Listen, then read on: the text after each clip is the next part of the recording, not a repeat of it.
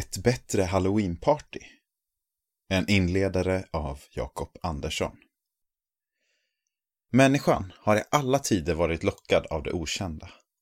Av mystisk andlighet med spöken, onda andar, häxor och kontakt med de döda.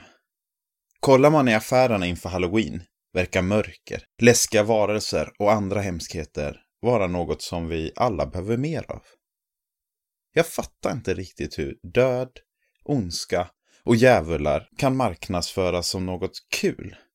Samtidigt som världen kämpar mot en dödlig pandemi och miljontals människor lider under förtryckares ondska och grymhet.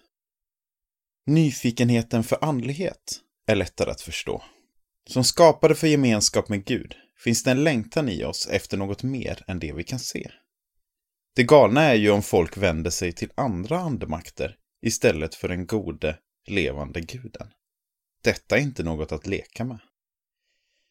Insidan nummer 188 handlar om den andliga verkligheten. Det är ett ämne som vi ofta antingen verkar glömma bort eller bli uppjagade och oroliga för, då det mest känns obehagligt och väcker en massa frågor. Som kristen är det självklart att både tro att verkligheten har en andlig dimension och att ondskan inte är spännande. Samtidigt borde det vara lika självklart att allt detta inte behöver göra oss rädda så länge vi är med Jesus. Varje söndag firar vi ju Jesu uppståndelse och seger över ondskan och döden.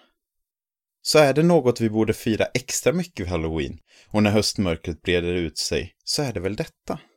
Vi tror på en fullkomligt god Gud som har all makt och som mörkret och ondskans makter är chanslösa mot. Det är värt att fira. Vi ber. Gud, tack för att du har all makt och att jag får vara din. Amen.